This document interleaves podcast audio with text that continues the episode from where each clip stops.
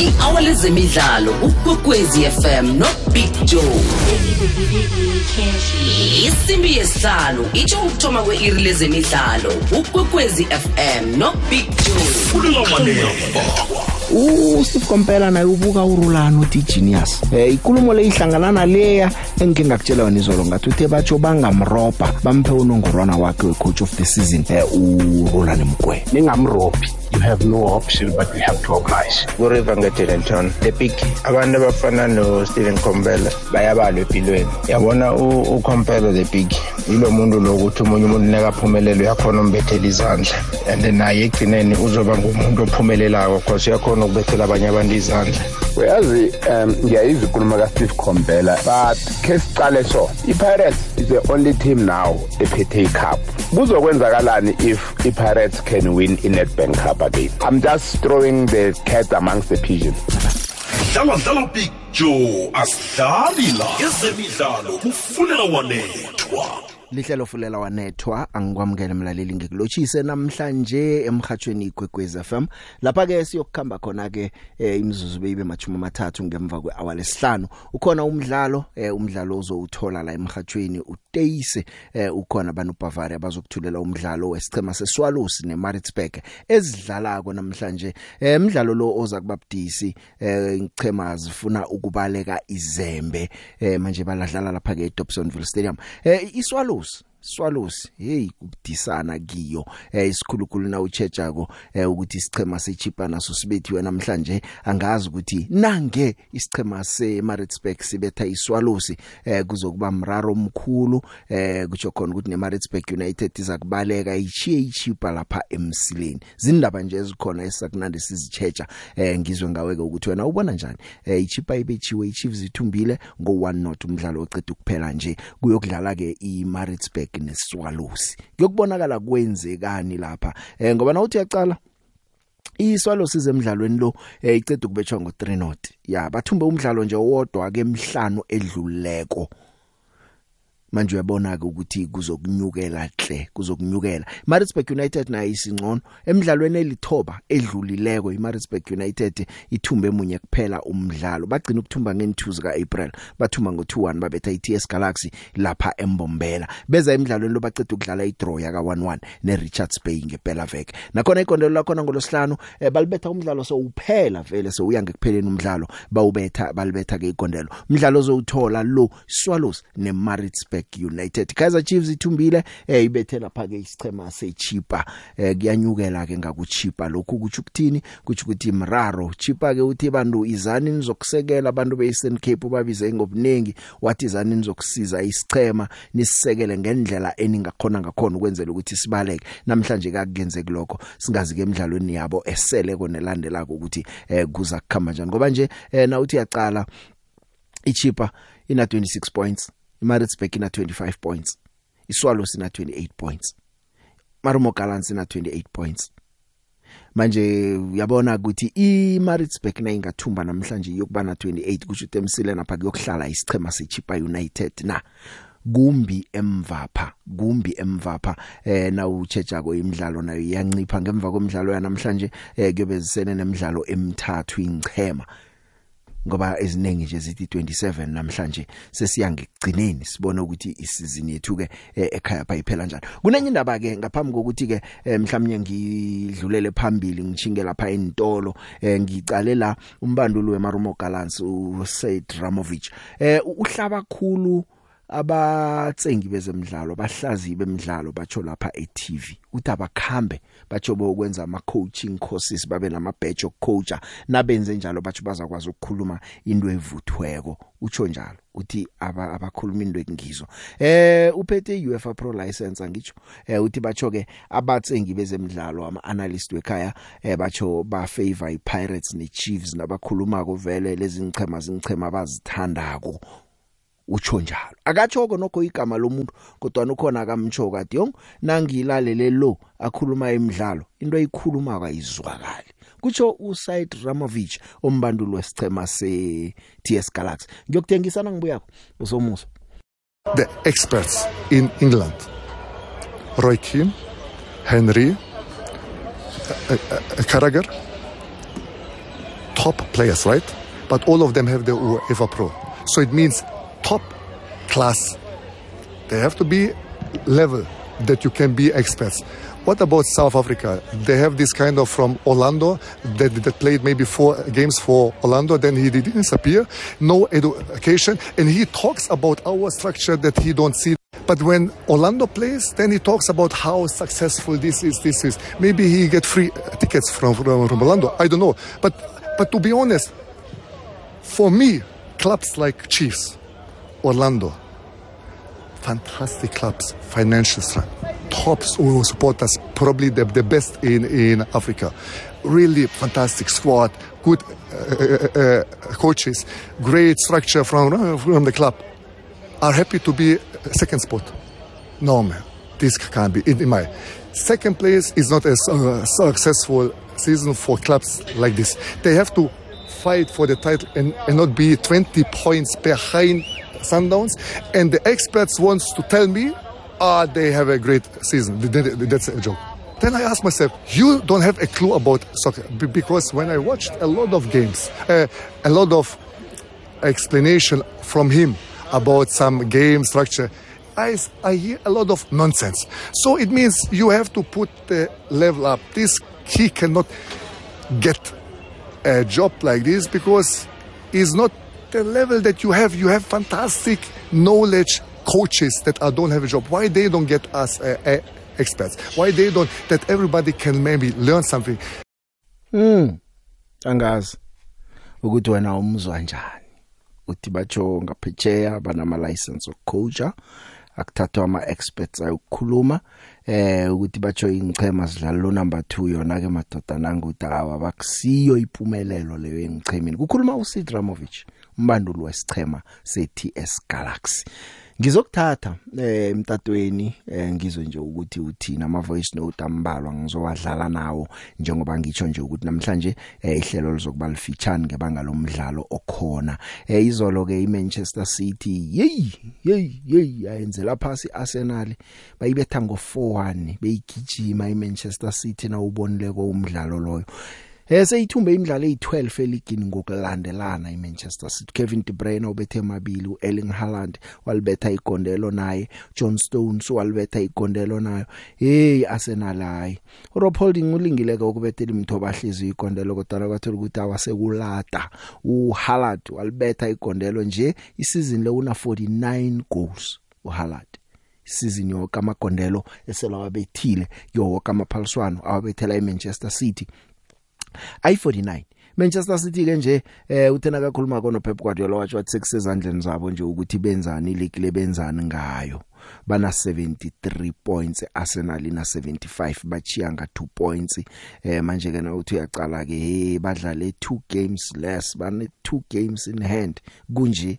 Hawa angazi ukuthi wena uyibona njani. Uyatsho uGuardiola ukuthi destiny yabo isezandleni zabo. No, really good. Congratulations to the, all the players, staff, backroom staff. An important game, not decisive, but really, really important. Uh, we played really good from the beginning until the end. Uh, I know against which opponent we, we are we, we played and still they are top of the league. I know can be naive for what I'm saying, but the reality is we are two points behind. Of course, you got two games in hand, but still they are there. But uh, today is a day like we play really, really good. Uh, but of course, the most important thing is our destiny is in our hands. So today, winning Arsenal will be in their hands, and now it's in our hands. And when you arrive at the end of the season, when whatever happened, it doesn't matter. It's our performance. To win the games, it depends on us. This is the best way to approach the last six, seven games that they still seven. I think so. So still, still we have.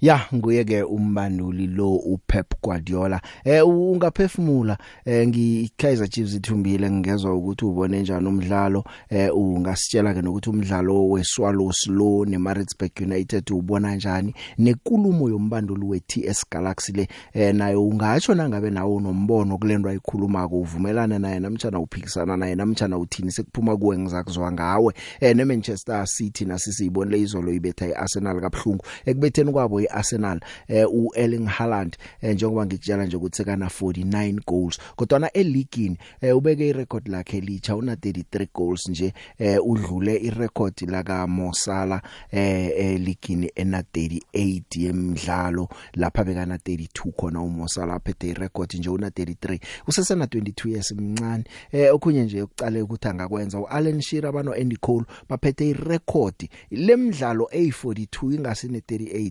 lamagondelo ayi34 manje ke na ucala ukuthi basasele ngemidlalo elikhomba eh ngathi ne42 lo uzoyidlula lo msana ngazi asakumkhanyo simbone ukuthi eh, uzokwenzani ukuya phambili. Kanti ke iLiverpool nayo ithumbe ngo2-1 betha iWest Ham United. Eh nakuyi Chelsea yona ngazi ngithini ngayo. iBrentford babethile nabo eh ngo2 not. iChelsea ikunumber 11 eligini. Ya solo afikileko umbanduli. Eh uFrank Lampard bayilobe yomhlanu imidlalo kanti njengoba ku11 nje angazi iposition embi abakhe baceda kiyo kwakuyi position number 14 ngesizini yaka 1999 1994 kwakubandula uClon Hodl asazi ukuthi baza kuya lapho namtjana ngeke bafike na kodwa na bamba lokhu ukuthi baku number 11 iNottingham Forest nayo thumbe ngo3-1 betha lapha isicema seBrighton and Hove Albion. Na namhlanje imidlalo ikhona angazi ukuthi kuyokubonakala kwenziweni madoda. Umdlalo phakathi kweManchester United neTottenham. iTottenham icede ukubetshwa kabhlungu eh mhlapa nje eh, ngo6-1 betha lapha ke sicema seNewcastle. Namhlanje iza kufuna ukulungisa izinto mhlawumnye phezulu kwayo iManchester United eh asazi. Eh iNewcastle yona ke idlala lapha eh, nesicema seEverton eh, namhlanje lapha eGoodison Park. Imidlalo ekhona leyo mithathu Everton neNewcastle zidlala ngokora to 9 Southampton neBournemouth zidlala ngokora to 9 bese kuzokuthi ke ngokora past 10 Tottenham Hotspur idlala lapha ke nayo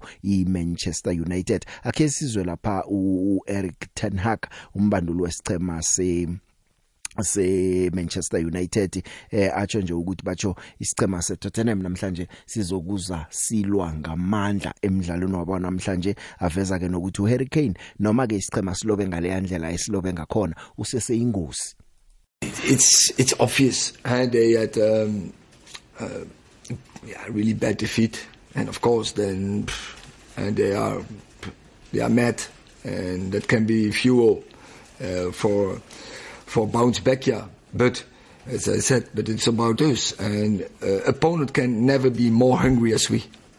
And that is so that is how we have to pre- uh, prepare the game. And so make sure tomorrow we are ready to go front foot and be dominant and dictate the game. It's quite clear his impact on the game from Spurs yeah. And yeah, we have a plan, of course, before uh, for that. And yeah, home game we did very well. So um, yeah, uh, for tomorrow we need uh, that very good plan um, as well. You have to defend them as a team, and uh, he's a clever player. So don't let him, uh, don't allow him to come in the situations, and he can have a big imp- impact on the game. I-hour lezemidlalo ukwekwezi fm no big joe. Isimbi yesihlanu itsho ukuthoma kwe-iri lezemidlalo ukwekwezi fm no big joe. Kukhanya ba. Akwande big joe eh no arvuna nabavezi behlelo ifulela wanethwa ukhuluma ngubafana okhona la e-orchards. Ya eh big joe man ke ngi ke ngithi fatha fatha nami man. Em eish iArsenal awa ngike ngatsho mina ukuthi awa izokuphunyuka iligi level izolo kubonakala ukuthi awa. Eh, it's written on the wall. Angiboni ukuthi kunento abangayenza mhlambe ezakwenza ikariso mraro iManchester City le their own course. Eh so ayikuyoba nzima. Eh ngiphume lapho ngikuzwile ukukhuluma ngo Itumelo Nkhune. Eh aveza ukuthi u Ronwen Williams uh, abamnikeze goalkeeper of the season. You see Big Joe when they say you must give credit where it's due utumele ngikhune eh ukhuluma like iqiniso. Eh uyayidlala ifootball uyidlalile une experience so uyabona ukuthi umona phasi eh uRonwen Williams uyayideserve angiboni ukuthi kuno somabalo omunye lapha ku PSL eh o- o- esingathi mhlambe udlala okudlula uRonwen Williams Hey Big Joe, Evata Falcon uhlezi phi mahlangu ikhosi lady. Big Joe yabona iMan City ne. Ya, idlala ehle khulu Big Joe. Thumbe kamnandi 4-1. No. So bengacala ukuthi Arsenal ingabetshwa kangaka. Khona ukubetshwa beng- bengibona ukuthi izokubetshwa mara kangaka bengingakacali. Konke lokho sithokoza ini ichebiswano labadlali beMan City. I- i- i- ichebiswano ebanalo i- i-communication ebanayo ngiyo ebenza ukuthi bathumbe umdlalo Big Joe. Ngoba ngakhe ngezwa noKevin De Bruyne watsho vele wathi nakungu nakungu Haaland sisazom-assista ngamagoli awabethe ngendlela engahona ngakhona. Uyabona ukuthi la akuna jealous akunamona. Even naye uHaaland akazikhakhazisi athi mina ngistar in ini U- uyaphasa Big Joe uya-assista. Ubona amagoli abethwe nguKevin De Bruyne izolo iBrazil leya abuya ku- ku- ku-Erling Haaland. And ngithokoza noPep Guardiola ukuthi ambekezelele uHaaland ukuze ufike isikhathi phezulu umdlalo sokuphela angakakori kodwa na yena uzamile simbonile kaningi ama-shots wathethe ekugqineni azokubetha igoli elibaluleke khulu big joe elibrekhe irekhodi izolo. Lakamosala 32 goals nje una-33 and kusasele 7 games kunekhonakalo enenkulu ukuthi i-performance yakhe nayingahlala iso angayiceda isizini abethe 40 yama-goals so ngiyamthokozisa iman city ingidlalela kuhle khulu. Ngithi big up kaizer chiefs. Ithumbile 3 points siyayithokozela sharp akwanda akwanda the big. Nganguthemba sindane unzatho nge-middleback mara ngemkopane nje. Hayi uramovic ngijama naye ubetha rak ubetha rak Ira- ipanel leya elapha ehlaziya umdlalo vele ma-former chiefs and pirates players. So into abayikhulumako inokuchema abazazi ukuthi bathini. And upitso wakho wayibuza musa into elele kwake kwakhethwa i-man of the match. I-sundowns angingazi beyidlala ne-chiefs na. Bakhetha i-man of the match from i- i- i-chiefs kuthola ukuthi i-performance ebe- beyiphezulu nge-sundowns because uh, i-man of the match iphume lapho. Ayichazi upitso u- ukuthi who's, who's choosing the, the, the, this man of the match? Ah Big Joe ujabula Jimmy Stina akengubingelele but Big Joe lento eshiwo coach uTS Galas ngeke ngayikhuluma la ehlelweni. Ukuthi uma sibheka equality yabantu esibangena kuma position eSouth Africa akusiyona. Ngangikhuluma from ku David Notwana ma loser ma under 23 ukuthi equality yakhe coaching ayikho right. Equality i- even ahemele mkhelele uyi assistant coach kubafana bafana. But akakho qualified kangaka uma ungamnika i-team angahluleka. Le nto iyaqala nakupisi upisi waba i-assistant ye-coach yabafana bafana bamnika abantu abayi-coach ibafana bafana. Yamhlula. Ngobani ama-qualification akana usipitso wahamba eqalela phansi kusipassport waya kusundowns upitso manje uma ungamnika ibafana bafana angenza umhlolo. Ngani? Uyaqualify even nabantu abakhulumayo ngebhola lapha ku-tv siyababona. Vele bafika lapha qhema umuntu ukuthi uma idlalela i-chips okhuluma kahle nge-chips noma i-chips iphethe. Like odr khumalo ophumuza umanense nangunalo we-sundowns ufikile ubani ukekane wonke ufavit bayafeva laba bantu abalapha. Angeke i-sundowns noma ayibone ukuthi yodliwa athi yodliwa ukekane. Nodr khumalo chips uma yodliwa angeke asho ukuthi yodliwa nophumuza umanense same. Vele picture abakhuluma ibhola bakhuluma ukufeva ngiyamsa Eh picture kunjani? Hayi ngiyaphila picture nami eh ubanzi emlangeni manje yazini. Picture mina ngithanda ukuphawula ngendaba le eh kababa lo ocoachela iTS Galaxy. No ubaba lo ya mina ngiunderstand vele bano team sukazi bahlangene ngento yinye ayikho into zokulunga. uTeam sukazi bekunguye last ebekagceka ama coach wabantu lana thi um eSouth Africa kumele sithole ama coach anama UEFA Pro license just because yena une une coach ne UEFA Pro license nangu no coach wakhona uyabuya njena uthi eh a second sport is not something to celebrate. Kuthi ukuthini lokho? Vele egcineni picture angeke sibe bathumbi sonke. Ekugcineni angeke sithathwe number 1 sonke. Sikhuluma nje i-Chess Galaxy ecoachwa nguye ika number 12 iya iyadlala Sunday idlala nePirates bangayidla i- iyehla still. Maqeda ubuya uthi unumber 2 is not something to fight for. Eh it makes no sense.